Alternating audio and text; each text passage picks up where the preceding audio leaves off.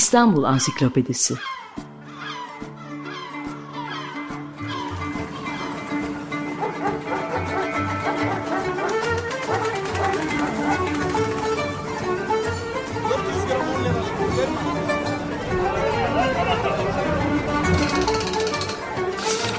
İnsanlar, olaylar, mekanlar, gelenekler ve ihtiyaçlar üzerinden şehrin tarihinden sayfalar.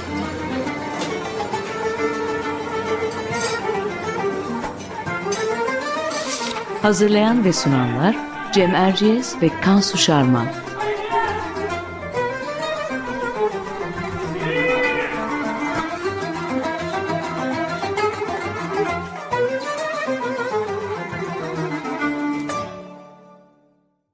Merhaba, Cem Erciyes ben. Açık Radyo'da Kansu Şarman'la birlikte hazırladığımız İstanbul Ansiklopedisi'nin yeni bir programındayız. Bu hafta konumuz İstanbul'un gizemli ve büyüleyici eski eserleri olan sarnıçlar. Konuğumuz ise 3 yıl süren bir çalışmayla bu sarnıçlara giren, 285 yeraltı yapısını inceleyip belgeleyen kültürel mirası koruma uzmanı ve tarihçi Arzu Ulaş. Arzu Hanım hoş geldiniz. Hoş geldiniz. Hoş bulduk. Şimdi biz her zaman olduğu gibi Kansu ile kısa bir giriş yapacağız. Sonra da sözü Arzu Hanım'a bırakacağız. Evet eski İstanbul'dan kalan sarnıçlar, çukur bostanlar, su yolları, maksemler, kuyular, ayazmalar, çukur çeşmeler, yangın havuzları gibi arkeolojik mimari kalıntılara yeraltı yapıları deniyor. Bunların içinde en güzel ve görkemleri olan sarnıçlar ki bugün onlara odaklanacağız. Kentin bin yıllık su sorununun da bir ürünü aslında. Daha önce de İstanbul Ansiklopedisi programımızda kentin su kanallarını ve çeşmelerini konuşmuştuk. Kentin su meselesi o programlarda da değindiğimiz konulardan birisiydi. İstanbul'da hem kıt su kaynakları hem de uzun kuşatmalara karşı bir tedbir olarak sayısız sarnıç inşa edilmiş. İrili ufaklı, çeşitli boylarda.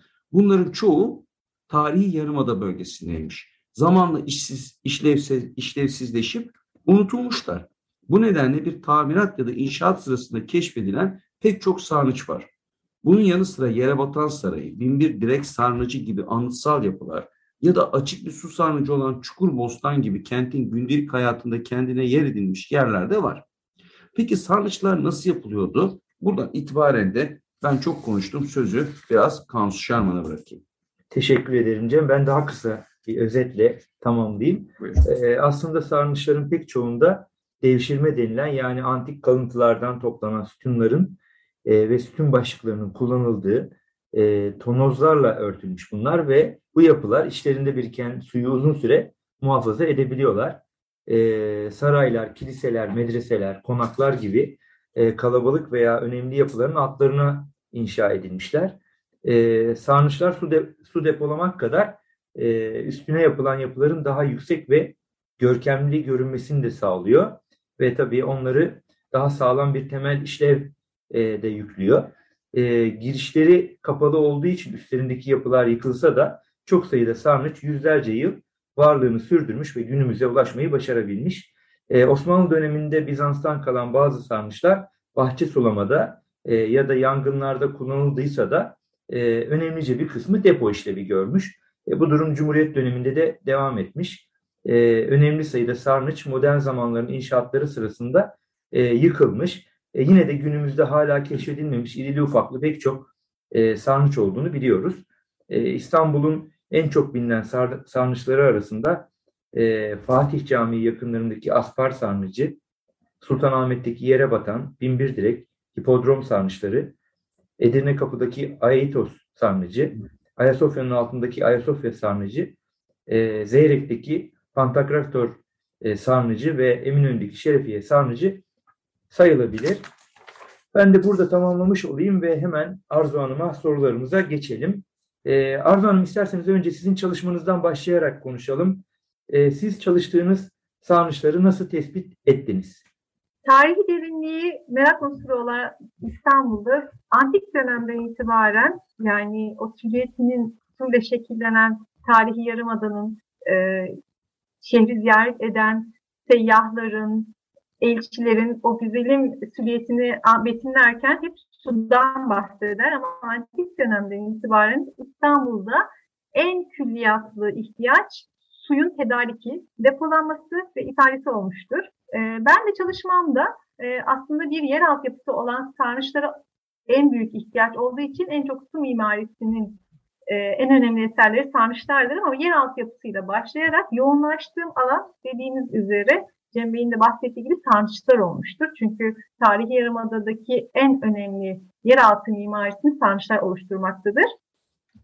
Sarnıçları e, dönemleri ayırırken e, üç medeniyetin izlerini barındıran e, tarihi yarımadada e, benim alanım olan Osmanlı Türkçesi ile birlikte belgeleri okumak, şehrin 15. ve 20. yüzyıl aralığında ki sarnıçların inşası, kullanımı e, ve bugüne aktarımındaki o restorasyon süreçlerini belgelerle tespit etmek olmuştur. Bu amaçla yola çıktık ve e, dediğiniz gibi tarihi yarımadada e, 285 yer altyapısı tespit ettik. Bunlardan e, 80 tanesi Sarnıçlar ve Osmanlı dönemi belgeleriyle tespit ettik.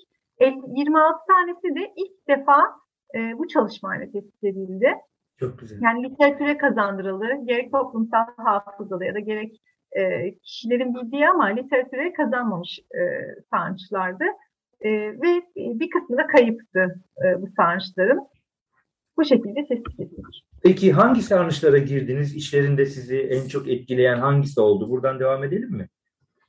Elbette ki e, aslında her yapının e, yer altında e, bir kere işte İstanbul'da yürüdüğünüz alanların altındaki bu muhteşem eserlerin hepsinin ayrı ayrı hikayeleri vardı. Ama beni en çok etkileyen ve en çok bildiğim bir alan olan Fatih Külliyesi'nin altında Karadeniz Medresesi tarafında bir yeraltı sarnıcının e, olması ve bunun da e, uzun yıllar girişinin tespit edilememiş olması ve buna ilk defa inmiş olmak e, beni çok heyecanlandırdı. Çünkü 1939'da Halim Baki Kunter ve iki arkadaş e, bu sarnıcı bulmuşlar. Osmanlı döneminde de e, bu sarnıcın varlığı biliniyor, ölçüleri tespit edilmiş, veriliyor.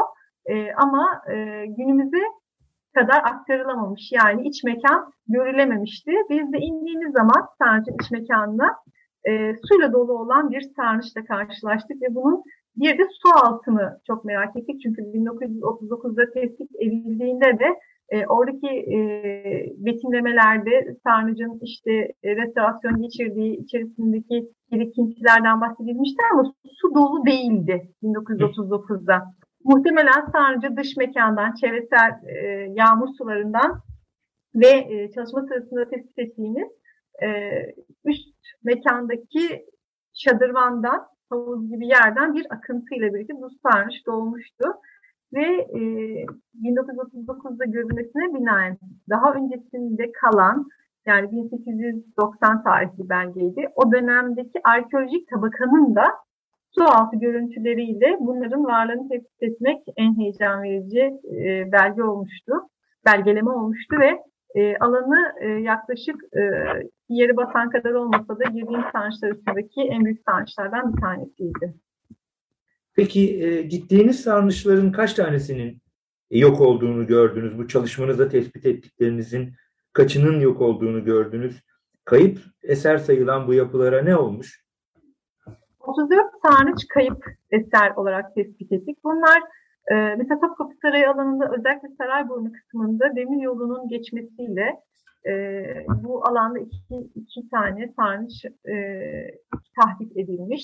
Yani şöyle genel başlıklarda şöyle diyebiliriz. İstanbul'daki imar ve inşaat faaliyetleri, e, zamanın tahribatı, e, artık yeni bir sistemle Terkos su hattının e, gelmesi ve daha sonraki Cumhuriyet dönemiyle birlikte işte İSKİ, vakıf suları, İSKİ'nin yeni hatlar kurmasıyla bu e, atıl durumda kalıyor bu sarnıçlar. Ve zamanın ya da özel mülkiyette kalmış olanlar bu yapıların e, toplumsal hafızadan ve sülliyetten yani yer altındaki sülliyetten silinmesine sebep olmuş olduğunu gördük. Yani tabii sarnıçlar e, hala e, insanlar e, eski bir evde oturuyorlarsa altından sarnıç çıkması hayalini kurarlar. Çünkü birdenbire genişleyecek ev, gizemli bir yapıya sahip olur. Ama onu tamir etmek, bakmak, onarmak, hayata e, döndürmek başlı başına bir e, şey, e, sorunlu bir şey aslında. E, bugün öyle e, hayata e, dahil olamamış pek çok sarnıç var. Mesela ben şeyi biliyorum, e, eski tütün fabrikasının altında arka sokağa kadar uzanan bir sarnıç var. Orayı da müzeye dahil etmek istiyorlar ama nasıl yapacaklar belli değil. Size bir şey sormak istiyorum. Yani bunu sormadan olmaz tabii. Bütün sarnıçlara inmişsiniz. Ee, sarnıçları birbirine bağlayan efsanelerdeki gibi imparatorların, padişahların kullandığı yeraltı tünelleri var mı İstanbul'da? Böyle bir şey tespit ettiniz mi? Ee, şimdi bu e, burada Semani İnce Hoca'yı da rahmetle anmakta fayda var. Bunu tespit etmek e, ben çalışmamda tespit etmedim ama bende bir e, vakıf su yolları haritası Osmanlı döneminde çizilmiş bir su yolu haritası var. Tabii ki bazıları su yollarıyla birbirlerini besliyor ve birbirlerine bağlantıları var. Ama bazı sarnıçlar yağmur hasadı yani sadece yağmurla beslenen ve Hı. dolan sarnıçlar da olabilir. Bunları tespit etmek günümüzde artık çok zor. Neden zor? Dediğim gibi işte imar yüzyıllardır yapılan imar ve inşa faaliyetleri sırasında bunların bir kısmı yok olmuş. Bir kısmı da e, belki depremlerle de e, moloz yığınlarıyla kapatılmış. Bir yere kadar ilerliyorsunuz su yolunda ama bir yerden sonra e, molozlarla kapatıldığını görüyorsunuz. E, bunlar kapatıldığı için birbirleriyle bağlantılı bir e, su yolu tespit edemedim. Anladım. Yani bir yerden hani herkesin efsanevi anlattığınız gibi işte bir yerden girip bir yerden çıktığım e, bir tek Süleymaniye Camii Külliyesi'nde olur. Çünkü külliyeyi birbirine bağlayan e, hatlarda yani camiden taphaneye kadar giden yerde bir yerden girip bir yerden çıktık. Ama elbette ki o su yolları haritasında da gördüğüm gibi bunlar birbirleriyle bağlantılı. Çünkü e, şu örneği veririm. Edirne Kapı'dan Belgrad'dan ve uzak e, yerlerden İstanbul'a su sağlayan ilk giriş hattı Edirne Kapı'daki e, kalenin altından orada bir sancı geliyor ve oradan e, Topkapı Sarayı'na kadar uzanan bir su isale hattı var. Oradan giren su sarayın herhangi bir çeşmesinden damlayacak. Çünkü sistem böyle. Bugün de muslukları açtığımız zaman su geliyor. Tabii ki daha farklı bir sistem var. E, bu su yolu bir, bir uzun bir su yolu. Yer altındaki bir ağlarla sağlanan su yolu ve birbirine bağlantılı. Evet yani sonuçta aslında e, İstanbul'un bütün yeraltı tünellerle kaplı filan diyemeyiz. Ama siz bunların e, sarnıçlar arasında bir takım su yolları olduğu konusunda bizi aydınlatmış oldunuz. Onlar da ne yazık ki tıkalıymış. Hiç kimse inip oradan oraya gideceği hayalini kurmasın. Peki biraz da mimarisinden söz eder misiniz sarnıçların? Kansu girişte biraz bahsetti ama genel olarak nasıl inşa ediliyorlarmış? E, nasıl su tutması sağlanıyor? O kadar suyu o kadar uzun süre tutması sağlanıyor. Bize biraz böyle de teknik bilgi verirseniz e, başka konulara da geçebiliriz. Ee, öncelikle tabii ki e, yer altında bir yapı yapmak e, çok zor. Günümüzde bile görüyoruz kepçeler çalıştığı zaman ne kadar derine indikleri zaman hepimiz e, izliyoruz. E, döneminde de e, bu sarnıçların yer altında olması e, hem e, teknik açıdan e, zor ve e, masraflı bir e, iş. Hı hı. Aynı zamanda e, bu kadar sanatlı olması da dönemin sanat anlayışını, mimari estetiğini, e, ve bu kadar e, müzeyyen e, yapılarla donatılmış yer altına bunu inşa etmenin yer üstüyle bağlantılı ne kadar güçlü bir e, dönemin sanat anlayışını göstermektedir. Yani antik dönemden itibaren e, bu yapılar yapılıyor. Yani e, dönemlerini ayırmak elbette ki mümkün ama Roma döneminde ve Doğu Roma döneminde yani Bizans döneminde inşa edilen e, sarnıçları Osmanlı'da kullanmış. Bunlar özel harçlarla e, inşa ediliyor. Demin Tansu Bey'in de bahsettiği gibi tonoz örtülü ve sütunlarla destekli. Bazısı üzerinde bir mekan taşıyor. Bazısı da e, bütüncül yani tek başına müstakil olarak. Sadece, sadece sarnıç olarak yapılıyor yani. Evet anladım. Evet. Evet. Peki e, şöyle devam edelim. Bunlarla ilgili bir evet araştırmalar da olmuş. Mesela hani e, mesela Ernest Mamburi bu konuda diyor ki aslında e, her binanın altında bir sarnıç tesis edilir ya da zenginlerin hanesinde her kilisede Bizans dönemi için bahsediyor. E, ve bunların işte umumi demin bahsettiğimiz gibi açık ve kapalı sarnıçlar olduğunu bahsediyor. Yani işte eski eserlerden demin de bahsettiğimiz gibi devşirme sütunlar ya da sütun, ve de sütun başlarının tesadüf edilmesi sebebiyle de inşa tarihlerini kesin e, belirlemek zor oluyor. Ancak yüzyıllara belirliyoruz ama noktası olarak tarihlemek de mümkün olmamaktadır. E, ama arşiv belgeleri de Osmanlı döneminde bu yapıların Bizans döneminden kalan ya da Osmanlı döneminde inşa edenleri tespit etmek açısından önemli kanıtlar olmuştur. Peki Osmanlı dönemi dediğiniz hemen oradan devam edelim. Ee, e, daha çok e, su depolamak için kullanılmamış sarnıçlar. Depo olarak kullanılmış başka amaçlarla yangın söndürme. Bunun nedeni nedir? E, bu eski sarnıçları e, nasıl bir amaçla kullanmayı tercih etmişler bu dönemde? Ee, Osmanlı döneminde de şehrin su ihtiyacının karşılanması e, üzerinde titizlikle durulduğu belgelerden e, ve belgelerin çokluğundan anlaşılmaktadır. E, başkentin artan e, nüfus sayısıyla birlikte yaşanan depremler, sel felaketleri yangınlar sırasında yaşanan su sıkıntısı nedeniyle de e, şehrin içinde bulunan sarnıçlar hem araştırılmış hem de yenileri yapılmış ve bununla birlikte de şehirde tahsilatlı bir e, çalışma başlatılmıştır. E, aynı zamanda dediğiniz gibi yani e, Osmanlı döneminde de yeni e, yapılan e, su çünkü şehirde ihtiyaç artıyor, yeni su yolları yapılıyor ve eskileri bazen atıl durumda kalıyor. E, bunlardan bir tanesine de örnek vermek e, gerekirse e, bir hazineyi evrak binası yani e, depo olarak e, su sarnıcı olan bina e, zamanla kullanılmamasından dolayı e, Beyazıt taraflarında ve bu sarnıcı ettim. Maaş ita odası yani maaş verilme odasına çevriliyor. Çünkü su ihtiyacı yok artık ya da işte sürekli sirkülasyonu olan e, bir su sistemi kullanılıyor. Depolama yerine bunu maaş ita odası olarak kullanılıyor. E, bir başka örnekte yine e, hazineyi e, yani arşiv dairesinde bulunan sarnıç lokantaya çevriliyor. Lokanta ihtiyacı var. Lokantaya çevriliyor. Daha sonra da e, tekrar terkos sisteminin gelmesiyle birlikte tekrar demek şehirde e, bir su ihtiyacı oluyor.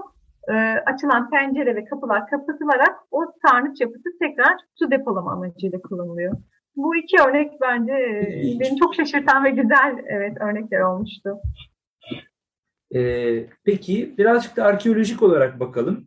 Ee, bir sarnıç arkeolojik bir eser olarak bize ne anlatır? Ee, onları inceleyerek nasıl bilgiler edinebiliyoruz? Ee, veya şöyle devam edebiliriz. Hani geçmişle bir sarnıç üzerinden nasıl bir bağ kurabiliriz?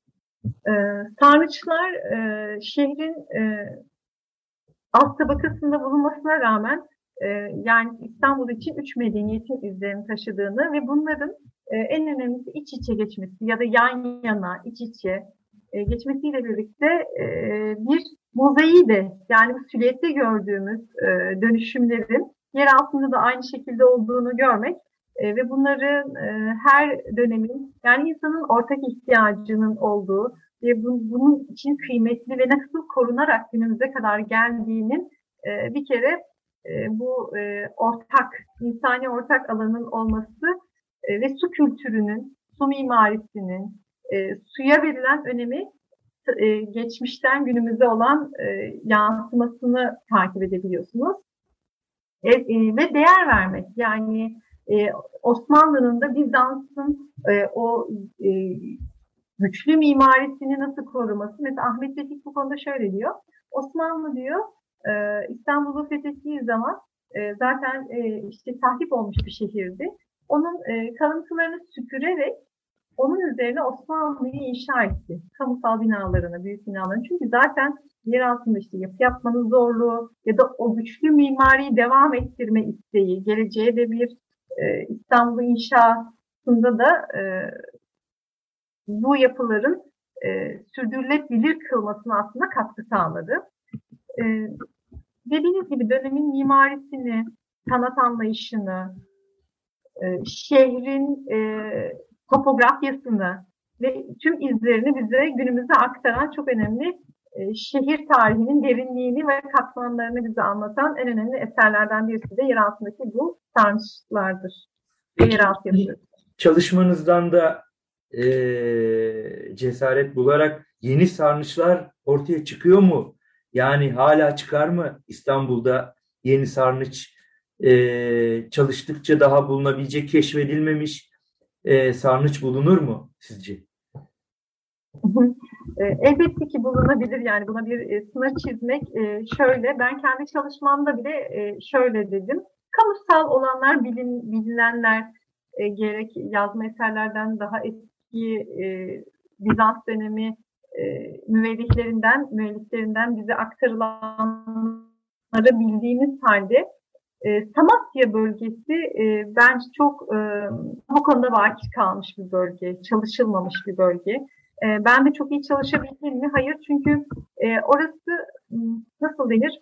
Daha e, oradaki evlerin belki kamusal alanlar değil de evlerin altında kalmış e, demin Cem de bahsettiği gibi her evin altında kalmış ve evin ihtiyacını karşılayan küçük çaplı sarnıçlar muhtemelen olduğunu düşünüyorum. Peki. Peki evet ya başta bir yeraltı yapılarından bahsettik aslında. Ben böyle saydım şunlar şunlar şunlar denir diye e, ansiklopedik bilgi. Biraz da siz bahseder misiniz? Yani yeraltı yapıları dediğimiz bu yapıların tamamı e, suyla ilgili yapılar galiba. E, bunların önemi nedir hayatımızda? E, bu tür yapılardan da hala hayatta olanlar, İstanbul'u e, sevenlerin, meraklıların gidip görebileceği yerler var mı?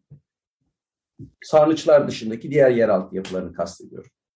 Evet, sarnıçlar dışında beni de en çok e, heyecanlandıran bir başka konu da e, dediğiniz gibi su ve suyla ilintili olanlar zaten halkın e, ve toplumsal hafızada biliniyor. Yani e, tek sarnıç değil, Ayazma kültürü bilindiği gibi kiliseler evet. veya Müslüman olarak e, Osmanlı toplumunun da çok benimsediği suyun kutsallığıyla birlikte sahiplenme e, her dinde olduğu gibi Osmanlı'da da ayazmalara karşı bir saygı ve ilgi her zaman için olmuştu. E, kuyular zaten e, bilindiği gibi e, her evin bahçesinde de olabilen e, yapılar olduğu için çok enteresan e, gelmese de bunun e, yani birbiriyle bağlantılı ya da sarnıçla bağlantılı olanları bir sirkülasyonu sağlaması açısından her sarnıcın başında bir kuyunun olduğunu tespit etmek e, bunlar da heyecan verici olmuştu ama beni e, çalışılmamış konu olan mahzenler daha çok e, etkiledi. Etkiledi derken e, şöyle e, hepimizin bahsettiği aslında mahzen olarak bildiği şeyin e, bir tanımının bile yapılmamış olması e, şaşırtıcı olmuştu. Çünkü hep e, ya şeyle bağlantılı olmuş. Yani bir yapının altında bir mahzen var olarak incelenmişti.